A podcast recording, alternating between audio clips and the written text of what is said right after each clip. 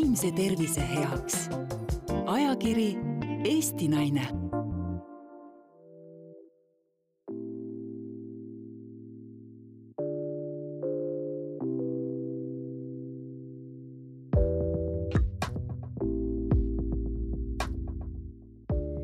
tere tulemast kuulama peaasi.ee podcasti Pearaadio. pearaadio podcastides räägime vaimsest tervisest ja selle hoidmisest. Minu nimi on Sandra Vabarna ja olen täna siin külalissaatejuhi rollis. täna räägime vaimse tervise esmaabist ja vestluse täpsemaks teemaks on, kuidas toetada lähedast, kes käitub teisiti kui tavaliselt ja kahtlustan, et tal on mõni vaimse tervisega seotud mure saatekülaliseks on kliiniline psühholoog ja peaasi.ee tegevjuht Anna-Kaisa Oidermaa. tere tulemast! Tere, Sandra, aitäh, et sa kutsusid mind. ja aitäh, et te minule sellise võimaluse andsite, et äh, ma pean tunnistama ausalt üles, et see on minu esimene kord äh, siin niimoodi vedada eest ühte podcast'i, ma olen küll ise palju osalenud ja rääkinud oma elust, aga niimoodi küsida, see on täitsa uus roll minu jaoks, nii et äh, suur aitäh selle võimaluse eest. Aga ma kohe alustakski sellega, et äh, ma olen ise elus äh, puutunud kokku äh, kas siis isiklikult mingite vaimsete muredega või näinud seda kõrvalt või mõnel lähedasel on olnud ja minu esimene reaktsioon on see, et ma tahan kohe kõike aidata, kaasa arvatud iseennast. ja ma hakkan kohe otsima lahendusi, ma hakkan guugeldama ja nii edasi, aga peaasi.ee juurde jõudsin ma alles paar kuud tagasi, kui te ise võtsite ühendust, et ma varem ei teadnudki sellest midagi. ja nüüd, kus ma hiljuti käisin teie kodulehe algusest lõpuni paremalt-vasakule läbi, siis ma pean ütlema, et see on tõesti väga suurepärane asi, mida te teete. aga võib-olla on ka neid äh, teisi siin kuulajate seas, kes pole jõudnud sinna leheküljeni või ei jälgi teid veel sotsiaalmeedias. et äh, palun äh, räägi lühidalt, miks ja millal te üldse lõite selle peaasja ja kelle jaoks on see loodud? Ehm, no peaasi tegelikult äh, sai alguse sellest, et, äh, et me kolleeg äh, Ere Vasliga, kes on praegu lastepsühhiaater Tallinna Lastehaiglas, töötasime koos Seevaldis, siis psühhiaatriakliinikus Paldiski maanteel ja, ja noh, me nägime seda hästi palju tegelikult, et, et inimesed jõuavad õudselt hilja meie juurde. et et äh, kuidagi see teadlikkus on madal ja, ja häbenetakse, kardetakse. Äh, et noh, see oli tegelikult äh, juba ka nüüd juba üle kümne aasta tagasi. ja noh, siis veel see ei olnud võib-olla nii tavaline, nagu sina ütlesid, et, et kohe hakkad tegutsema, guugeldama, möllama, on ju. et, et tol hetkel tegelikult üldse eesti keeles vaimse tervise infot leida oli peaaegu võimatu et, et noh, me tahtsimegi alguses seda, et, et selline noh, adekvaatne, julgustav, normaalne jutt vaimsest tervisest oleks kuskil meie netiavarustes olemas. Ja sellega äh, alustasime. Ja, ja noh, mõte oligi see, et, et me tahaks, et, et see vaimne tervis oleks niivõrd noh, selline tavaline teema, et see ei oleks midagi, mis peab olema seal kuskil äh, rohelise seina taga või aia taga peidus või, või nagu siin Raja tänaval kuskil äh,. me oleme Tartus nimelt praegu, et, et oleks kuskil nagu peidus või linna ääres või et see oleks niisugune noh, nagu asi, mida peab kuidagi kartma või häbenema. et, et see on täitsa tavaline norm normaalne asi. ja, ja noh, alustasime tõesti sellest, et meil olid äh, noh, sellised äh, tekstid või selgitused, soovitused äh, erinevate vaimse tervise raskuste osas. Ja, ja siis me tegime ka sinna juurde sellise e-nõustamise Äh, mis ka praegu täiesti toimib, äh, kus saab küsida siis selliselt äh, kas kliiniliselt psühholoogilt, psühhiaatrilt ja, ja saab üsna ruttu oma, oma murele mingisugused nagu sellised noh, kas mitte just vastused, aga järgmised sammud, mida kindlasti võiks teha, eks ju. et, et see doktor Google on õudselt tore abiline, aga, aga noh, vahva on, kui saab küsida kelleltki, kellel on päriselt ähm, kogemusi. ja, ja noh, sellest ajast peale nüüd tegelikult tegelikult peaasi on hästi palju kasvanud et, et lisaks sellele veebiinfole ehm, me pakume ka nüüd äh, koolitusi ja, ja nüüd ka see aasta äh, siis võtame noori inimesi jälle siis näost näkku vastu. et kui me mingi hetk tegelikult kolisime siis nagu päriselust veebi, siis nüüd me oleme veebist jälle natukene pärisellu ka tagasi kolinud, et, et oleks eelkõige just noortele inimestele äh, noh, nii see teave kui ka teenused kättesaadavamad kas see, ma korra küsin vahele, et kas see, et kolisite tagasi näost näkku, kas see tuleneb sellest, et teil on nüüd võimalus seda teha või sellest, et siis lihtsalt on noorte inimeste poolt vajadus nii suur? no mõlemat, et noh, ma arvan, et see on hästi käsikäes käinud, et, et tegelikult nüüd äh, meie sellise aktiivse tegutsemise jooksul me oleme näinud, et, et see teema on palju-palju läinudki tavalisemaks ja normaalsemaks, nii nagu me lootsime. ja, ja et sellest on tavalisem rääkida ja ka otsitakse kiiremini abi ja, ja siis on ka neid kohti, kus seda abi saada ka rohkem vaja aga kas sinna peaasi.ee, et kui mul on näiteks küsimus, ma saan aru, et see on anonüümne, ma saan küsida anonüümselt ja saan vastuse ka eh, anonüümselt, jah mm? -hmm. ja et, et sealt e-nõustamine käib meil noh, niimoodi meili teel ja, ja seal ei pea ühtegi oma, oma isiklikku eh, sellist infot andma, et, et saadki küsida, et noh, nii, nii täpselt nagu sa ise tahad. aga kas teil on ka mingi vanusepiirang, et kes võivad sinna pöörduda või, või seda teil ei ole?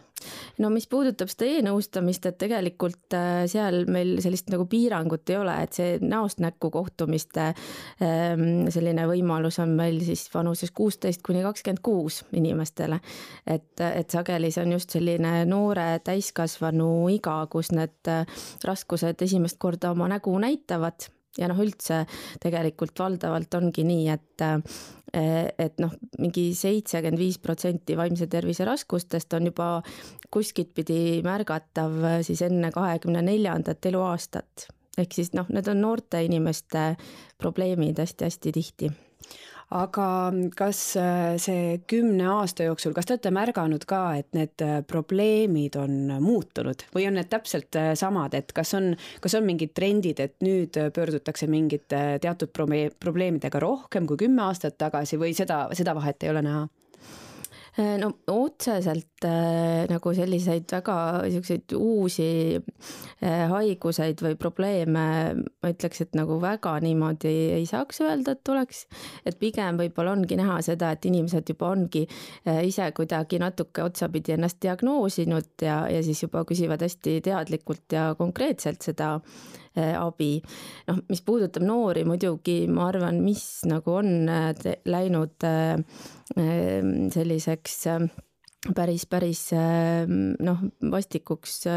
trendiks, kui võib öelda niimoodi, et, et see ei ole nagu vaimse tervise probleem, aga et see on pigem see käitumine, mis on küberkiusamine, et seda ma arvan küll, et kümme aastat tagasi ei olnud sellises mahus kui praegu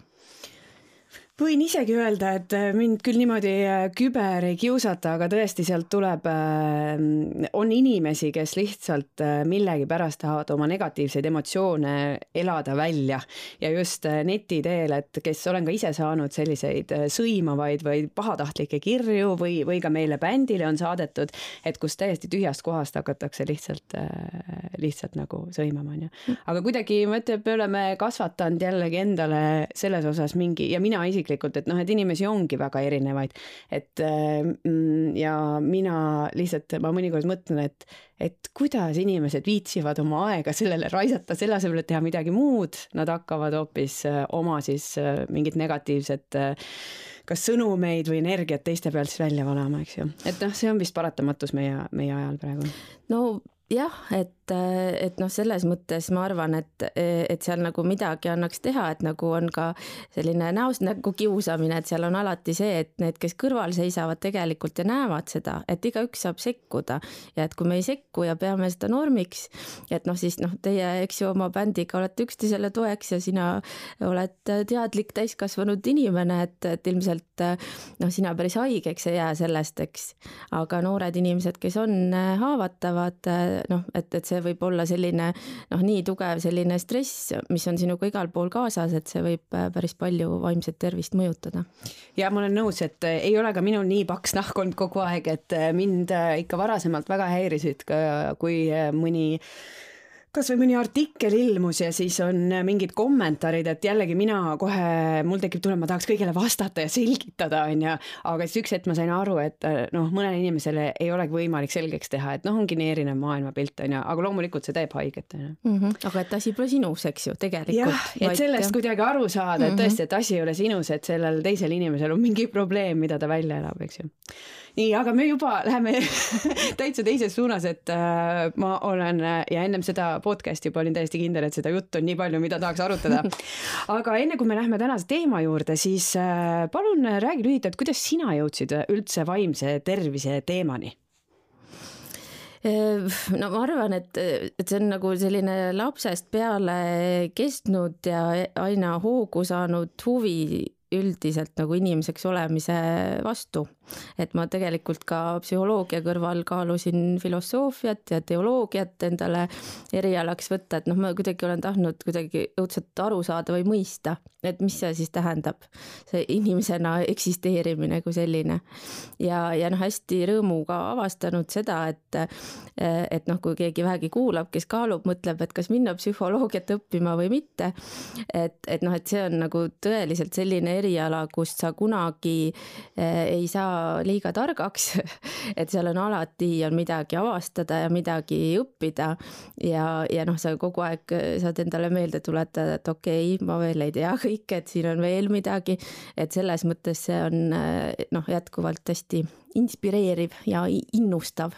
tead, mina tahtsin ka minna psühholoogiat õppima Aha. ja ma tahtsin ka minna teoloogiat õppima ja ma tahtsin ka filosoofiat minna õppima, aga muusiku elu lihtsalt, see oli juba nii veres ja see oli kuidagi nii loomulik samm, onju. aga, aga ma mäletan, et äh, kui ma mõtlesin selle peale, siis mulle üks tuttav psühholoog, sa võid nüüd selle väite ümber lükata või äh, et kuidas sellega on, ütles nii, et äh, psühholoog, psühholoogiat lähevad õppima need inimesed, kes ise on kuidagimoodi katki no see on niisugune tore stereotüüp, aga, aga noh, on ka sellised koolkonnad nagu näiteks psühhodünaamiline koolkond, kes, kes väidavad, et noh, me kõik oleme üpris, üpris korralikult katki ja, ja kannatame ja et need, kes sellest aru saavad, et need saavad vähemalt sellega tegeleda. aga noh, ma ei, ma arvan, see on see natukene see stereotüüp, et, et psühholoogid ja psühhiaatrid on, on ise hullud, sest ma arvan, et noh, no päris mit-, päris kõik küll ei ole päris hullud, ma noh, nii palju, kui ma olen näinud. ei, seda mina ei ole, mina ei ole seda kuulnud, et ma olen ka ise mm, paaril korral saanud abi äh, mõnelt siis psühholoogilt ja, ja mul ei ole jäänud muljet, et nad on hullud ise no vot, väga hea, aga, aga ütle, Sandra, et sul küll see häda, eks ju, et sa oled musikaalne, et sellepärast sa ei läinud äh, õppima neid inimese, inimese teadusi, aga, aga kuidas vaimne tervis sinu elus on oluline olnud? Ma mõtlesin selle peale pikalt ja see on mind kuidagi saatnud ka kogu aeg, aga ma olen ise olnud ähm,, äh, ma arvan ühest küljest sellepärast, et ma olen väga emotsionaalne, ma võtan kõike väga hinge, samas ma teen kõike kogu aeg äh, sada protsenti ja südamest ja ma panen hästi palju ennast sisse. Ja samas ka see äh, elukutse, mis mul on, ehk siis vabakutseline muusik, mis ühest küljest võib tunduda, et oo, et päev otsa me oleme kodus, naudime ilusat ilma, õhtul läheme lavale, pidutseme, mõnel jälle inimesel on selline, eks ju, stereotüüp, mul isegi üks klassivend kunagi ütles, et et aga mis, te annate kontserti ära ja siis te saate pidutseda ja nii, et, aga see kuus tundi, mis ma päeval veedan prooviruumis on ju, et jälle selline stereotüüp. aga igastahes, et see vabakutselise elu ühest küljest on hea, tore, sa saad ise suunata, aga teisest küljest on seal hästi palju stressi, hästi palju stressi sellepärast, et sa vastutad absoluutselt iga asja eest, mis sa teed ja kas sa teed või ei tee, eks ju.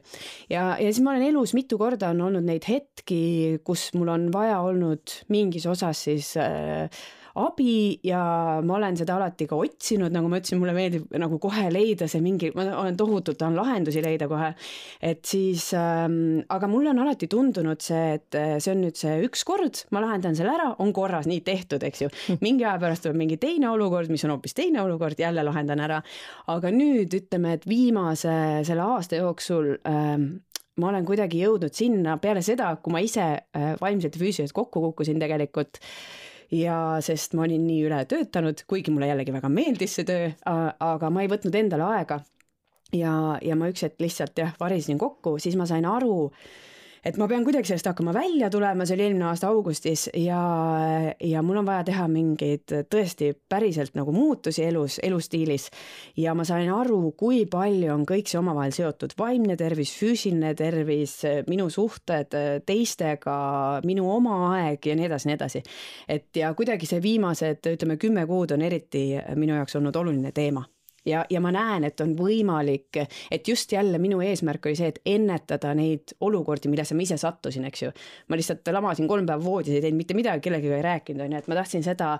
seda olukorda ennetada siis kuidagi, et ähm, ja, ja see on toiminud siiamaani, et mul on väga hea meel. ja, ja samas mul tuli ka meelde üks lugu, ma räägin selle ära, äh, et kui ma olin seitseteist, siis ma tulin tagasi Belgiast, kus ma olin aastavahetusõpilane tulin tagasi ja ei suutnud kohaneda üldse. kuidagi minu jaoks tundus see väike Viljandi, kus ma elasin, tundus täiesti mõttetu koht, midagi seal ei olnud. rattaga ei saanud kuhugi sõita, nagu Belgias sai, väljas ei saanud käia, nagu ma Belgias käisin ja nii edasi, nii edasi ja, ja mul tõesti, ma ei tea, ma too hetk ei pandud sellele nime, mis mul oli, aga ma käisin psühholoogi juures ja, ja ma olin hästi väsinud kogu aeg, ma magasin hästi palju ja siis ikkagi noh, ema üritas ka leida abi ja saatis mind perearsti juurde. perearst vaatas mulle otsa, ütles, et ma olen laisk ja kirjutas mulle mm. antidepressante õnneks oli mu emal ja minul nii palju aru peas, et ma tõesti sõin neid nädal aega ja siis ma sain aru, et äh, ma kuidagi tundsin, et need teevad mu kehaga hoopis midagi muud. et, äh, et ma tundsin, et ei, et see, see ei ole nagu lahendus, et kuskil mujal on see probleem, on ju. ja kuidagi vaikselt ma hakkasin sealt välja tulema, sain aru, et tegelikult Viljandi oli päris okei okay ja et äh, aastaga oli isa mul väga normaalseks muutunud, ma ennem ei saanud isaga läbi, siis tulin tagasi, vaatasin, oo ja kõik sellised muutused, et aga, aga jah, et, ähm, et selline, selline kokkupuude tuli mul meelde päris varasest. Mm. -hmm no aga on ju põnev nagu mõelda, kuidas asjad on olnud, on ju, ja, ja, ja nagu mida saab teha ja nagu mingeid mõtteid äh, liigutada ja see, ja see on väga põnev, et äh, ma ei imesta, kui ma kunagi hilisemas eas lähen ikkagi seda psühholoogiat õppima. Soovitan, soovitan, väga on vaja psühholooge kas, kas Eestis on äh, psühholooge on piisavalt või on puudu? no kliinilisi psühholooge on ikka väga puudu nagu psühhiaatreidki jah aga selgita, mis on, mis on kliinilise psühholoogi ja mis on psühholoogi vahe? no kliiniline psühholoog on, on eraldi siis kutse ja noh, see sisuliselt tähendab seda, et, et sul on siis ettevalmistus ja ka äh, kogemusi selleks, et äh, töötada siis nende inimestega, kellel on vaimse tervise äh, probleemid ehk siis psüühikahäired et, et nagu haiguste siis sellise äh, täpsustamise, diagnostikaga ja, ja ka siis psühholoogilise raviga äh, tegeleda. Et lihtsalt psühholoog, noh, ega see lihtsalt ka nii lihtne ei ole, aga, aga noh, et, et kui sa lõpetad äh, psühholoogia bakalaureuse näiteks, et noh, et siis sa tegelikult, sul ei ole veel piisavalt siis selliseid oskusi, et, et päriselt siis haigustega tegeleda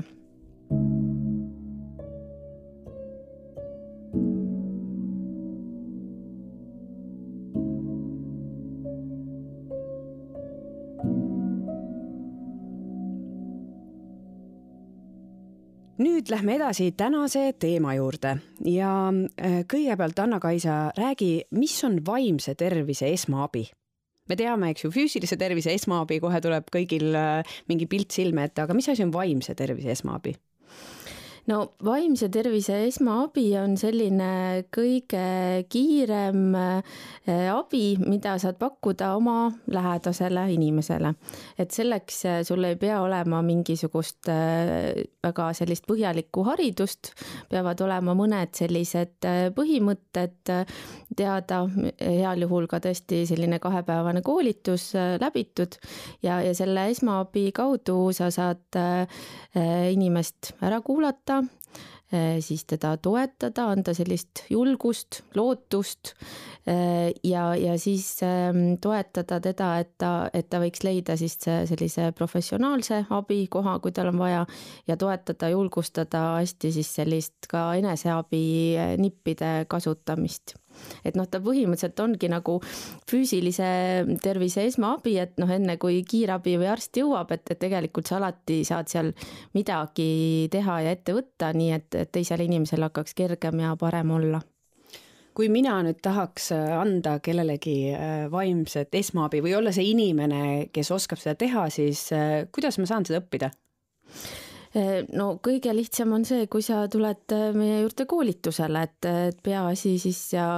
ja Eesti Psühhosotsiaalse Rehabilitatsiooni Ühing siis koostöös eh, juba pakuvad või pakume neid koolitusi juba nüüd kolmandat aastat ja noh, oleme näinud, et tõesti, et, et noh, kui koolitusele tulevad sellised inimesed, no näiteks nagu sina, eks ju, kes mõtleb vaimsest tervisest ja tahab väga toeks ja abiks olla, Äh, aga et, et see koolitus annab tegelikult sellist äh, julgust äh, seda abi anda juurde ja siis selliseid väga konkreetseid oskusi. nii et, et sa tegelikult ka ise tunned ennast kindlamalt, kui sa oled seda abi andnud, et, et noh, hästi paljudel on niisuguseid kõhklusi ju, et, et kas ma ikkagi noh, teen õiget asja või kas ma hullemaks ei aja või et kas ma teen piisavalt, mis on paljude küsimus. aga et sa saad sellised teadmised, oskused ja, ja kindlustunde sealt koolituselt mis sa arvad, kas äh, igas Eesti peres võiks olla üks inimene, kes on selle koolituse läbinud, et, et ma mõtlesin äh, praegu enda peale korraks, et kui mina sain kaks aastat tagasi äh, emaks, siis ma kohe tundsin, kuidas ma pean läbima mingeid koolitusi, et ruttu vaatasin internetist, et mis siis, kui laps hakkab, tõmbab midagi kurku ja nii edasi, nii edasi, käisin, et ma tundsin, et mul on vaja, meil on peres kedagi vaja, kes oskaks selles olukorras käituda, eks ju. et, et kas siis, kas nii võiks olla ka vaimse see, selle esmaabiga, et keegi perest on selle koolituse läbinud ja tõesti oskab siis lähiringkonnas neid esmaabivõtteid?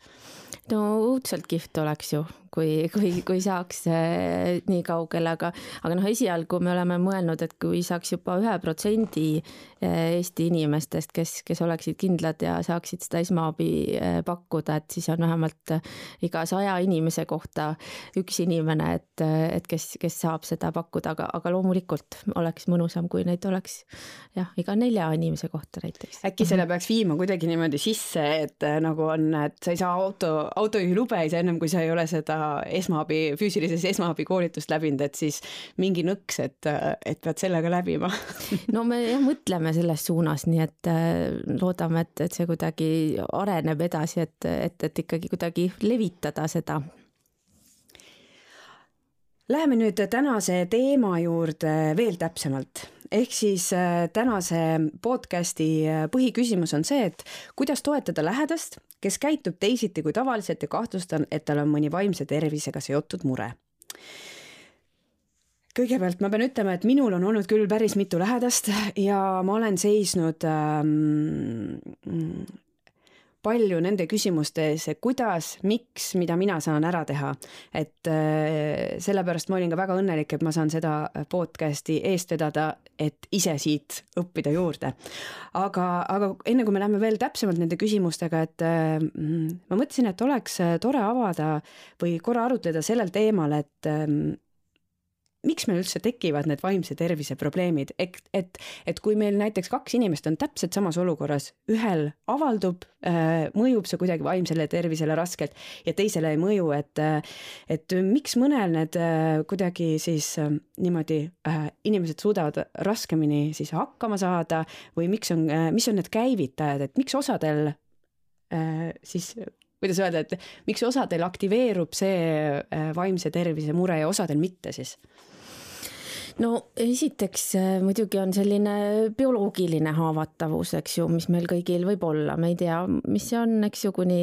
me ei ole oma geene totaalselt lasknud läbi uurida. Ja ma ei tea, mis need äh, erinevad kombinatsioonid täpselt tähendavad, eks. aga et, et noh, igal juhul, et, et üks asi on see, mis me saame geenidega kaasa, äh, see, mis toimub meiega ema kõhus, kuidas meie ema on ennast tundnud või üldse meie pere laiemalt, eks ju, enne, enne meie sündi siis, äh, siis kui me sünnime, et, et siis hakkab kogu see keskkond mängima ja, ja noh, seal on ju lisaks sellele, et, et peaks olema selline mm, baasilised vajadused nagu siis äh, toit, ja, ja katus pea kohal. noh, et peaks, peaks olema siis veel midagi, põhiliselt siis selline mm, piisavalt hea kiindumussuhe siis oma emaga, teiste pereliikmetega suhted. et need on need, mis, mis kaitsevad meid, aga et kui seal midagi on näiteks kuidagi läinud natukene mm, siis nihu, et, et siis see jällegi on üks selline haavatavuse koht siis, mis tuleb meil juurde, eks ju, mis võib sinna geenidele ja siis sellele võib-olla sellele enne sündimist toimunuga, toimunule siis nagu veel tulla juurde, on ju noh, öeldakse ikkagi, et see, need esimesed lapseea aastad on hästi-hästi olulised. et, et kuivõrd hästi me olemegi jällegi kaitstud siis või, või on neid haavatavaid kohti nagu tekkinud juurde, on ju. ja noh, eh, ikkagi noh, hästi baasiline on see, et, et mis, mismoodi meie peres on, on ikkagi suhted omavahel ja kui palju stressi on seal peres ja, ja mis seal toimub, eks ja, ja noh, siis sealt äh, edasi ähm, noh, kõik, mis, kõik, mis meiega kuidagi toimub või, või mis meie keskkonnas toimub, et see mõjutab ka meie aju arengut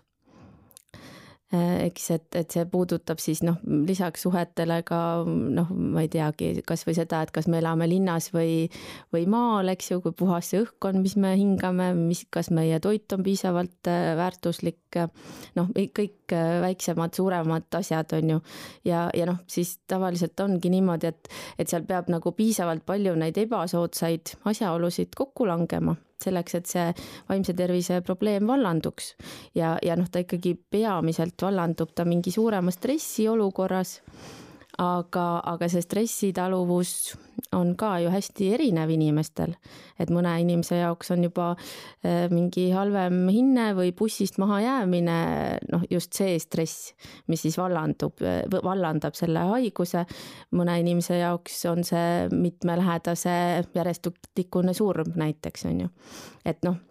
et see on hästi-hästi, on seal selliseid individuaalseid erinevusi, mis on siis, koosnevad sellest bioloogilisest poolest, keskkonnast ja siis sellest stressist, mis meie elus on parasjagu mina sain aru enda sellest, kui ma tagasi vaatasin, äh, mis juhtus minuga kümme kuud tagasi, kui ma täitsa kokku varisesin, et äh, et oligi, nagu sa rääkisid, mitu asja koos, et üks oli see, et jaa, ma olin väga palju tööd teinud, kuigi ma armastasin seda tööd, eks ju, ma ei teinud seda vastu tahtmist. siis oli äh, värskelt emaks saanud laps, oli aasta vanune, nõudis oma tähelepanu, jällegi ma väga armastan oma last ja mulle meeldib temaga aega veeta või olla temaga koos kogu aeg, aga, aga jällegi see on mingi lisa et ma vastutan tema eest, lisavastutus ja siis äh, muidugi minule oli selleks siis äh, selliseks äh,, mis on hea sõna Eestis, trigger nagu. no vallandaja, päästik. päästikuks oli see, et ähm, Äh, ma äh, käisin ühes pulmas, kus ma pidutsesin väga kõvasti, kus ma tarbisin ikkagi suuremas koguses alkoholi ja, ja see kuidagi ähm, äh, siis see ei juhtunud isegi mul järgmisel päeval, vaid see juhtus kahe päeva pärast, et ma sain aru, et mul on füüsiliselt halb olla siis sellest nagu alkoholist, mis, mis ma olin tarbinud ja sealt edasi, edasi kuidagi ma tundsin, et iga tunniga nagu läks olukord lihtsalt halvemaks. et, et see oli nii huvitav, et mul ei olnud ühtegi suurt ähm, äh, probleemi või muret aga mul kuidagi üleüldine lihtsalt selline tunne oli, et, et appi, ma suren kohe ära et, et kuigi äh, seal ei olnud nagu põhjust või midagi, aga ma arvan, et, et seal tekkiski, äh, minu puhul tekkis see olukord ka, et ma sain aru, et ma sain aru, et ma olin väga palju tööd teinud, ma sain aru, et sellest on see tingitud ka osaliselt, aga siis jõudis mulle kohale võib-olla, et ähm, vahet pole, kui väsinud ma olen äh, või kui palju tööd teen või kui vähe ma magan, et äh, ma ei saa enam võtta kahte nädalat vabaks ja lihtsalt puhata, sest nüüd mul on väike laps, kellest ma pean hoolitsema ja tema ärkab ikka järgmine hommik kell seitse üles, ükskõik kui hea või halb mul on olla, onju. ja see vist äh, kuidagi ka oli selline jälle päästik, et, et noh, mitu asja, mitu asja koos, onju. Mhm. jah, et, et see on praktiliselt alati nii ja nagu sa ütlesid, et ka sellised noh, selline positiivsetest asjaoludest tulenev stress võib mm., võib olla olla selline päästik, on ju kuidas aru saada, et äh, inimese käitumises on nii-öelda ohumärke ja tal võib olla vaimse tervise mure? no siin jällegi sellised äh, individuaalsed erinevused ja, ja noh, see on äh, natukene võib-olla raskem näppu peale panna kui, kui noh, mingisugusel noh, gripi puhul või. et aga noh, sageli esimese asjana läheb paigast ära näiteks uni et see on selline ohumärk et, et kui ikkagi juba mõne nädala jooksul näiteks saad aru, et sa ei maga piisavalt palju tunde täis, et tegelikult siis juba tuleks kindlasti midagi ette võtta, mitte loota, et see läheb iseendast üle. no sageli mõjutab söögiisu selline vaimne Äh, olukord, kus, kus midagi võib tasakaalust hakata välja minema, et osadel inimestel selles suunas, et väga palju tahaks süüa, osadel selles suunas, et mitte midagi ei tahaks süüa või et nagu ma ei tea, toidul ei ole üldse mingit maitset, pole vahet, mis sa sööd näiteks. Äh, noh, ja, ja siis selline äh, ikkagi üldine selline aktiivsus ka, et kui palju sa tahad midagi teha või, või kas sa pead ennast käima tõmbama vägisi või peab keegi teine sind tõmbama või sa, või sa ise kuidagi äh, saad liikuma ennast kergesti, äh, siis äh, keskendumisvõime kindlasti, et kui kaua sa suudad ühe asjaga tegeleda. ja, ja noh, tihtipeale on suhetest midagi märgata et kas, kas siis näiteks äh, tekib selliseid konflikte või tülisid või arusaamatusi äh, rohkem äh, või siis näed, et teine inimene on kuidagi endasse tõmbunud, et ei, ei ole kontaktis enam sinuga sellisel viisil nagu varem. et, et aga muidugi kõige lihtsam viis aru saada sellest, et teisel on halb olla, on see, kui ta ütleb seda. Et, et noh, see on ka tegelikult selline asi, mille peale võiks rohkem mõelda, et, et kui keegi kuidagi viitab või vihjab või ütleb, et tal on raske või või ta on lihtsalt liiga väsinud või, või et ta nagu enam ei suuda, et noh, et seda võiks ka siis kuidagi võtta päris tõsiselt ja, ja lähemalt uurida, kui sul endal vähegi on jaksu muidugi. aga et, et ka noh, inimesed ka ju ütlevad seda, et seda peaks siis nagu jah, nagu uurima edasi, mitte ütlema, et kuule, noh, nagu et sa oled laisk või et võta ennast kokku ja meil kõigil on raske ja sa pole isegi võib-olla Siberis käinud ja nii edasi aga kuidas julgustada ma ütlen iseennast minna rääkima, sest mina olen tihti äh, mõtelnud selle peale, et ähm, et ma näen, et sõbral on mingi mure ja siis ma saan aru, et nii, kas ma räägin, võtan selle täna ette, helistan talle või lükkan järgmisesse nädalasse, et ma tean, et see ei ole ju lihtsalt üks küsimus, kuidas sul läheb. et kui ta hakkab seda laegast niimoodi avama, et seal võib tulla igasuguseid asju välja, et, et, et, et kuidas ähm, nagu endas leida seda jõudu, sest ka ma olen palju kuulnud ähm, jällegi lugusid, kus võib-olla noh, olles jälle värske lapsevanem, et kus mõned vanemad natukene peidavad nagu pead liiva alla, et nad näevad küll, et sellel väiksel lapsel on mingi probleem, aga nad ei taha hakata sellega tegelema, sest see võib võtta palju aega, palju energiat ja lõpuks ei teagi, kui suur see mure on, on ju. et kuidas, kuidas ennast siis julgustada, et minna rääkima? jah, et et, noh, kindlasti seal on see, et ka enda võimeid peaks hindama kuidagi adekvaatselt, et, et kui su enda see tass on tühi, et, et võib-olla siis sa ise ei jaksagi, aga siis äkki saad läbi mõelda, et äkki teil on mõni ühine sõber või, või sugulane, kes, kellele võiks nagu rääkida selle mure edasi, et äkki, äkki tema saab toeks olla. aga et, et selles mõttes ega, ega väga ei pea ju kartma seda just, et ma arvan, sellepärast ongi sellest esmaabi oskustest ka äh, tõesti nagu kuidagi kasu, et, et see ka õpetab seda, et tegelikult sa ei pea selle teise inimese raskust enda kanda päriselt võtma. et, et, et sa ikkagi, see on nagu vestlus, mis on nagu võrdsete partnerite vahel, et see ei tähenda seda, et sa võtad ja lahendad tema elu mured ära. aga et just, et, et see, et, et seda tasub teha, et ikkagi võtta ühendust ja küsida, et kuule, ma vaatan, et, et, et sa oled kuidagi viimasel ajal napisõnaliseks muutunud või ma näen, et sa kuidagi oled tujust ära ja mõtlesin, et noh, küsin mis sinuga toimub. Ja võib-olla siis kuuladki ära ja, ja, ja natukene äh, põrgatad äh, enda mõtteid ja, ja võib-olla sellest tegelikult väiksest vestlusest ongi abi, et sa ei pea mõtlema, et nüüd, nüüd ma jäängi temaga vestlema igaveseks või iga, iga nädal, et, et, et seda väikest vestlust tasub ikka proovida. Aga mis võiks olla see esimene, et sa näed, et on äh, mingi probleem, sa saad aru, et midagi toimub, et kuidas sellele inimesele läheneda, et äh, võib-olla see inimene ei ole kõige avatum, äh, kes ei tule ise rääkima, et kuule nüüd, no mina olen näiteks selline, et ma ärkan hommikul üles küll varem kui minu abikaasa ja kui tema ärkab ja kui mul on mingi mure, siis ma kohe, kohe räägin ära, ma ei suuda üldse varjata mitte midagi. et, et aga on neid inimesi, kes ma tean isegi minu väga lähedalt inimesed, kes hoiavad nädalaid, kuid muresid enda sees ja lõpuks siis kuidagi tuleb see välja, et, et aga sa saad aru, et midagi on, et kuidas, kuidas sellistele inimestele läheneda jah, et, et neid inimesi, kes niimoodi marineerivad ennast äh, ja, ja ka kuidagi võib-olla teadlikult varjavad oma raskust, et neid tõesti on ju, on ju ka palju, aga noh, ma arvan, et, et kui tõesti sa oledki märganud, et kellelgi on raske, äh, et, et siis, siis võikski konkreetselt öelda seda, et mida sa oled märganud, eks, et tuua need konkreetsed asjad välja.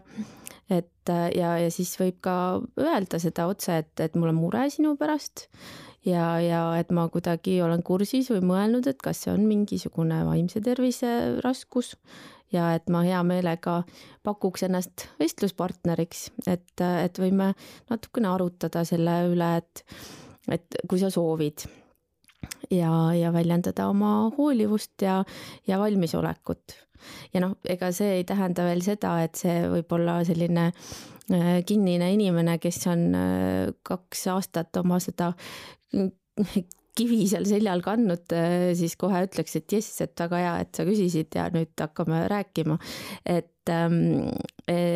et võib-olla see ongi selline esimene väikene tibusamm, eks. ja et, et sa võid siis järgmine kord mingi aja pärast uuesti äh, küsida või, või teha, võtta seda jutuks ja, ja kuidagi öelda, et, et vot, et kas sa oled mõelnud ja ma ikkagi näen veel seda raskust sul seljas, et, äh, et ma ikka veel valmis äh, arutama. et, et selles mõttes ka inimesed on öelnud, et, et tegelikult juba see, et keegi märkab ütleb, et ta märkab ja, ja pakub seda võimalust või jätab selle nagu sellise ukse lahti, et juba see iseendast võib ka olla toeks eks, et me noh, ei tea seda muidugi, aga võib-olla eh, noh, teisele inimesele on see, ongi juba see selline samm, mis, mis ka võib-olla aitab ise juba midagi edasi abi otsida. Eh, et noh, et sellega alati peab arvestama ka, et kui meie oma head tahet pakume, noh, et keegi peab sellega vastu võtma, on ju. ja sellepärast ka ei pea veel enda kui esma, esmaabi andja siis nagu rollile kriipsud peale tõmbama, kui see ükskord ei õnnestu, vaid siis võib uuesti proovida proovida või proovida mõne teise inimesega, aga et põhiline on see, et sa noh, oled äh, valmis seda pakkuma ja et sellest ongi juba ka abi mina olen ka tundnud seda, et, et, et tahaks kuidagi anda teada ja siis ma tõesti olen, et ma näiteks tean, et sellel inimesel on kuidagi ebamugav näost näkku rääkida, et siis ma olen kas kirjutanud sõnumi või Messengeris, et andnud märku, et tead, et kui sa tahad rääkida, siis ma olen olemas, kas siin või kuskil mujal, et lihtsalt andnud selle esimese nagu signaali, on ju mm. -hmm. ja ma arvan, et see on hea nipp või, või ka vahel õnnestub mingi tegevuse käigus, kui on mingi ühine toimetamine, kus tõesti ei pea üksteise kogu aeg niimoodi otsa jõllitama, vaid sa noh, ma ei tea, laod puid koos või ma ei tea, mida iganes, eks ju. et siis kuidagi niimoodi muu tegevuse vahel äh, saab seda kontakti äkki luua. ja ma, äh, ma olen nõus, et see on väga oluline ka leida äh, või noh, tunda seda inimest, kellele sa lähed abi pakkuma, et sa tead, et mingid olukorrad, et teha seda õiges olukorras et äh, võib-olla mitte siis, kui ta tuleb kas väsinuna koju või, äh, või et leida see õige hetk, kus sa tead, et sellel inimesel on ka võimalus rääkida. näiteks mina ise olen avastanud, et autosõit on see hea, et sa ei pea üksteisele otsa vaatama vaatad otse ja, ja kuidagi saad ära rääkida mingid asjad, on ju, et kellel on see noh, võib-olla mure, et ei julge niimoodi näost näkku vaadata mm. -hmm. jah, ma arvan, et see on väga-väga hea nipp ja et võib-olla on ka nagu veelgi et mida annab äh, leiutada, et tõesti see aeg ja koht on tähtsad ja üldse, et seda nagu läheneda teisele ja teha seda juttu. et see on esimene samm kui ma nüüd näen, et äh, näen neid ohumärke ja saan aru, et tõesti sellel inimesel on mingi probleem ja ma lähen rääkima ja üritan avada seda ust ja ta eitab, et tal oleks mingeid probleeme mis sellisel juhul teha, et ja võib-olla ongi tõsi see, et mitte ta ei eita, et eitada minu ees, et, et ta ei taha sellest rääkida, vaid ta päriselt ise arvab, et tal ei olegi probleemi. Äh, ja noh, siis on muidugi mitu varianti, võib-olla üks on see, et, et noh, äkki tal ei olegi, on ju, et, et, et ega kunagi ei tea, et ega me ei saa jällegi võtta liiga palju vastutust, on ju, selle eest. aga kui sa ikka äh, näed, et ta magab äh, ainult kolm tundi mhm. öösel, ta on väsinud mm, -hmm. ta on mhm. pahane kõigi peale, ta ei jõua asju ära teha, no kõik sellised mm -hmm. märgid on. jah, et noh, siis ikkagi tundub, et justkui midagi on, aga et, et noh, sellisel juhul ka jällegi, et, et siis on võimalik noh, näiteks näiteks kuidagi kas sokutada laua peale mingeid materjale nagu, mida võiks lugeda või saata mõni lingikene, kus näiteks mõni inimene jagab oma kogemuslugu või, või saata mõne podcast'i lingikene, kus inimesed äh, räägivad oma lugu. Äh, sest et äh, noh, seda on ka teada või uuritud, et, et hästi paljusid kuidagi ka julgustab tegelema või mõistma see, kui nad kuulevad, et keegi teine inimene, kes, kes on täitsa selline tore, tark, kena, normaalne inimene räägib, et vot, mul on sellised asjad olnud ja et ma olen niiviisi ja niiviisi nendest jagu saanud või et ma tegelen nendega. ja et see võib hästi palju nagu kuidagi tekitada seda ahaa-tunnet ja, ja ka anda seda julgust, et okei okay,, et, et ma hakkan ka, võtan midagi ette või kas ma siis kasvõi räägin kellegagi või võtan midagi muud ette, et et noh, et siis kuidagi võibki kuidagi seda infot vaikselt niimoodi pakkuda ikkagi kasvõi nende kogemuslugude mm, siis näitena, näiteks Neid, äh, loomulikult neid inimesi ja olukordi on väga palju ja me ei jõuagi kõikidest täna siin rääkida, et äh, kes kuidas reageerib. Äh, aga, aga paar tükki saame veel läbi mõelda lihtsalt, et ähm, võib-olla kellelgi on lähedalt selline inimene, et kes küsib kogu aeg abi, aga ükskõik, mida sa pakud, siis talle ei sobi. Aga ta tahab abi, et sa näed, et ta tahab abi mm. -hmm no ma ei tea, minu selline tunnetus selles osas on natukene nagu see, et, et noh, nagu seal äh, esmaabi sammudes on siis see äh, teine samm on see kuulamise samm, äh, mis tähendab seda, et, et sa kuulad inimese nagu lõpuni ära, et ilma hinnanguid andmata, ilma kohe nõu andmata, ilma, ilma kuidagi arvustamata ja, ja kuidagi noh, peegeldad neid teise inimese emotsioone ja, ja proovid äh, iga oma rakuga nagu kaasas olla ja, ja aru saada, kus see inimene on omadega või millest ta sulle räägib. et äh, ma ütleks, et, et äkki on kuidagi sellest siis äh, kuidagi puudu jäänud või, sest et noh, ma ei tea, minu sellise psühhoteraapia kogemus on, on ikkagi väga see, et, et noh, inimesed tegelikult väga ei vaja neid nõuandeid, on ju, sest no me ka ju teame kõik, noh, mitte selleks ei pea olema psühholoog, et teada, mida näiteks võiks teha, on ju, et igast häid nippe on ju, eks ju, noh, mine näiteks liigu, on ju, õudselt hea soovitus, mis ka tõenäoliselt peaaegu kõigile sobib, on ju hästi. aga noh, me teame seda kõik, aga et see ei ole see, mida tegelikult inimesel on vaja ja, ja sellepärast ka võib-olla lükatakse ka need nõuanded kõrvale, sest see tegelikult ei ole nagu see, mis, mis tal on vaja, et võib-olla on vaja seda, et, et keegi nagu päriselt saaks aru, et on nagu raske olla või, või, või mis seal taga võib olla.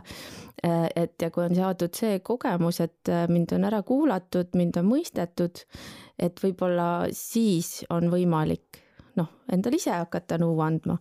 et, et just see nõu andmine sageli võib-olla sellepärast äh, ei, ei toimi vot see on miski, mida mina pean õppima sest kui mina jään ka kellegi äh, mure kuulama või, või üldse, see ei pea üldsegi isegi mure olema, siis äh, ma hakkan ka kohe nõu andma, kohe lahendama, isegi kui pole midagi lahendada. Et see on, see on küll, ma arvan, äh, ma arvan, see on ka jällegi paljudel tänapäeval, et, et sa tahad kohe kuidagi kiirelt leida mingi lahenduse, et hästi-hästi selline üldse meil ühiskond ja soodustab seda, et kõik peavad olema ilusad, õnnelikud, edukad, rõõmsad kogu aeg on ju, ja kui on mingi mure, siis võta üks äpp, teeb korda sul mingi asja, et, et et selle asemel, et lasta mõnel asjal nagu seedida ja leida see lahendus, võib-olla see tuleb, noh, igale ühele tulebki erinevast kohast, on ju, aga et anda aega endale ja võtta aega, minu arust see on väga-väga oluline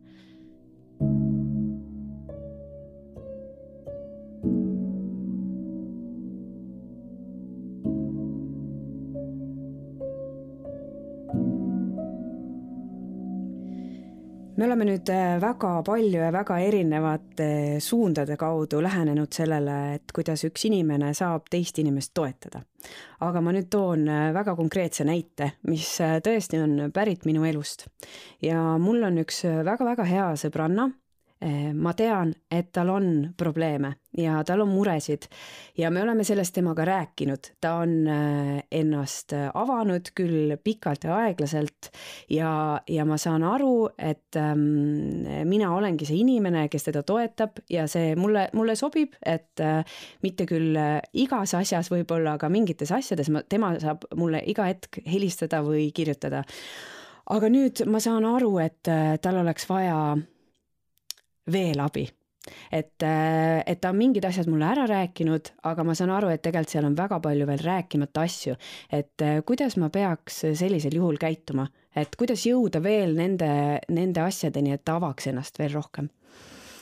no kui mõelda nüüd jälle nende esmaabisammude peale, eks ju, et üks esimene on see, et sa lähened teisele, loo see kontakt, eks ju, et tee see uks lahti üldse leia õige aeg ja koht ja nii edasi. Äh, teine on see kuulamine, eks nagu sa ütlesid, et sa oled äh, kuulanud äh, ja, ja on ka selline kontakt, et, et ta on valmis neid asju arutama. et siis kolmas ähm, samm oleks see, et, et anda sellist kindlustunnet ja, ja teavet selle kohta, noh, mis on sinu siis kuidagi teadmised ja kogemused äh, võib-olla selliste raskustega, et äh, noh, näiteks, et, et noh, mulle tundub, et, et see võib olla ühe või teise vaimse tervise raskuse moodi, eks ju, ma olen kuidagi käinud võib-olla koolitusel või lugenud selle kohta või tean seda. Ja, ja ma tean ka seda, et näiteks, et selle vastu saab abi et see on täiesti lootusrikas olukord selles mõttes, et, et siin on võimalik midagi ette võtta. et kuidagi annaks sellist kindlust ja julgust, et jah, et siin on võimalik midagi veel teha. ja, ja võib-olla ka öelda seda, et et noh, et kuigi jah, et oma lähedastega jagamine ja arutamine, et see jääb nagunii ja sellest on hästi palju tuge, et ma, mina näen, et siin tegelikult võiks olla sellist ka asjatundja äh, abi vaja, täiesti sellist, kas siis äh, arsti või psühholoogi abi. aga kui see inimene ei ole nõus minema sinna? kui ta ei ole nõus võtma abi seda või vastu seda mm -hmm. professionaalset abi, et ükskõik mm -hmm. mis viisil, et, et mhm. lihtsalt keeldub mm. -hmm. et ta saab küll aru, et on probleem ja see on tõsine probleem, aga ta lihtsalt ei ole nõus minema no et seal võivad olla mingisugused hirmud näiteks või, või mingisugused eelhoiakud näiteks psühholoogide vastu, nagu me alguses rääkisime, et nad on hullud või võib-olla, et võib-olla neist lihtsalt ei ole abi ja et mis see rääkimine ikka teeb, on ju, nii edasi, on ju et, et siis võiks ka noh, kas noh, ise viia, viia ennast kurssi väga hästi ja, ja siis seda ümber jutustada või, või siis anda mingeid materjale selle kohta, et mida näiteks psühhoteraapia reaalselt teeb, eks ju, et see on ka päris asi, et ta ka päriselt tegelikult näiteks muudab aju, eks sellisel viisil, et sul on võimalik ennast näiteks paremini juhtida. Äh, või, või et, et kui sul on äh, suhete valdkonnas mingisugused sellised mustrid, mis sind vaevavad ja korduvad äh, järjest, et neid on võimalik lahti arutada selle psühhoteraapia käigus, noh näiteks. et nagu ikkagi seda selgitada ja anda infot ja, ja kuidagi julgust, et, et sealt võib saada abi ja et, et need inimesed, kes seda abi saavad anda, et nad noh, ei ole nagu sellised lihtsalt õhuliigutajad, on ju. et et ja, ja noh, see üks asi muidugi, mis sellisel puhul võib olla, et vahel inimesed ka kardavad seda, et et kui ta nüüd näiteks pöördub päriselt psühholoogi juurde, et äkki siis see sinu toetus jääb ära. et Aha. siis, et äkki see mõjutab teie suhet siis, et selle kohta võib ju ka öelda, et mina jään ju alati ikkagi sinu sõbraks, aga et, et ma näen, et siin meil oleks võib-olla rohkem veel abi vaja, on ju kusjuures ma polegi mm. ise mõelnud mm. selle nurga alt, tõesti mm. -hmm. ja, ja mis äh, ma tahtsin veel öelda, et äh, lisada enda kogemuse põhjalt, et äh, igale ühele ei pruugi iga psühholoog sobida, ehk mm. siis, et ei tasu kohe minu arust anda alla, et kui sa lähed mõne psühholoogi juurde ja saad aru, et no ei teki seda klappi et äh, mul on endal olnud seda olukorda, kus ma käisin ja mul on olnud äh, neid psühholooge, kes, kellega tõesti tekib klapp, sa saad vabalt rääkida. Ja on äh, olnud ka üks selline psühholoog, kus ma lihtsalt istusin ja vaatasin, mõtlesin, et appi, et ma oleks võinud seda internetist ise lugeda, et ta kuidagi minu jaoks üldse ei ei äh, nagu ta ei läinud nagu minu teemasse, et mulle tundus, et, et, et noh, ma olin lihtsalt järjekordne inimene seal, et, et aga see, mina muidugi ei andnud alla otsisin uue, et, et seda kindlasti tasub äh, mõelda või, või äh, nagu ähm, katsetada nii-öelda siis on ju, et kohe, kui esimene ei sobi, mitte kohe alla anda, et appi, et need psühholoogid ongi õudsad, et nad ei oskagi aidata, on ju. Mhm, jah, kuigi see on hästi muidugi raske, et kui sa niigi oled ennast kokku võtnud ja lähed sinna, et siis nagu halb kogemus, eks. aga et, et ikkagi noh, tasub proovida selles mõttes, et, et selliseid äh, väga asjatundlikke psühhoterapeute ikkagi jagub, jagub ja on olemas ja mul on veel äh, ka selle, et üks asi on see, et on erinevaid psühholooge ja, ja kes saavad professionaalsel siis tasandil aidata, aga teinekord ka see, et äh, kui sa tahad seda lähedast aidata, et võib-olla tõesti sina pole see õige inimene, et võib-olla on sinu äh, mõni sõber see õige inimene, kelle siis selle, kellega äh,, kes siis räägiks selle inimesega, kes abi vajab, et äh, teinekord äh, need, kes abi vajavad, võivad ju avada ennast äh, hoopiski mitte sellele kõige lähedasemale on ju sõbrale, et, ähm, et ühesõnaga ma olen lihtsalt ise jälle olnud olukorras, kus me oleme proovinud aidata ühte inimest äh, ja me saime aru, et noh, mina ei saa temaga rääkida, sest ta blokib kohe ära, aga sai seda teha äh, üks teine lähedalt inimene on ju, et et kindlasti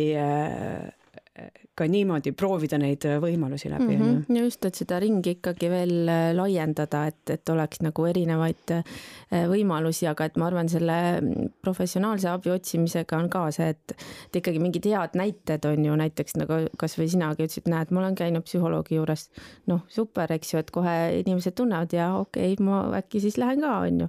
et, et kui kuidagi see jutuots teha lahti ja kui see tuleb välja, et, et tegelikult päris võib-olla mitmed käivad, aga noh, lihtsalt pole jutuks tulnud. Eh, või et, et neid kogemusi jagatakse, et, et see võib ka päris palju olla toeks ma olen nõus, et äh, rääkida lihtsalt nendest teemadest ja olla avatud, et äh, ma ei ole kunagi arvanud, et keegi peaks mind hulluks kui ma ütlen välja, et ma olen käinud psühholoogi juures või ka see, et, et kui ma äh, siin jälle see eelmine august oli see kokkukukkumine ja kui ma sellest rääkisin, et mul olid sellised paanikavood, siis tuli välja, et umbes igal teisel on ma olin mhm. täiesti üllatunud, et mõtlesin, aga miks sa mulle rääkinud pole, et sinul on ka olnud, on ju, et noh, et ei tea, et, et te nagu ei julgeta rääkida, et kuidas nüüd minul, et kuidas ma olen nõrgem ja kuidas ma ei oleks jälle ühi ühiskonna ideaalkuju nagu, äh, nagu tahetakse, on ju, et, et minu arust on ka väga oluline äh, rääkida, lihtsalt rääkida ja teine asi äh,, otsida abi, et see ei ole kindlasti mingi häbiasi, et äh, mina ju, mina juba sellepärast ei usu, et keegi hakkab viltu vaatama, sest inimestel on iseendaga nii palju tegemist et, äh, et, et jah, abi küsida ja, ja julgeda küsida seda ja mm -hmm. rääkida mm. -hmm. ei, kindlasti, kindlasti, kindlasti. nüüd võtta see tunniajane jutt kokku paari lausega, et ähm, ütle need kolm asja äh, siia lõpuks, et äh, mis on see, kui ma näen lähen nüüd koju ja saan aru, et vaat minu sellel kõige lähedasemal on ikkagi väga raske, tal on mingi mure, mis on need esimesed kolm asja, mis ma peaks tegema? No kõigepealt võiks läbi mõelda, kas mul praegu on jaksu seda vestlust äh, algatada, äh, siis kui on jaksu, siis võiks öelda, mis ma olen märganud, äh, ära kuulata anda sellist lootust ja, ja kindlust ja, ja siis juba arutada, et, et millist abi siis nagu veel on vaja, et kas professionaalset abi või veel kuidagi enda võrgustikust abi. ja noh, mida ma enne pikalt ei rääkinud, aga jutu sees siin ja seal, et, et viies samm on alati ka see, et, et selliseid eneseabi nippe võib alati nagu julgustada ja võtta kasutusse et mida, mida sa vähegi ise tead ja julged soovitada, alates siis sellest liikumisest ja, ja mingitest hingamisharjutustest, emotsioonide juhtimistehnikatest kuni selleni, et, et mõnikord lihtsalt mõni selline mõnus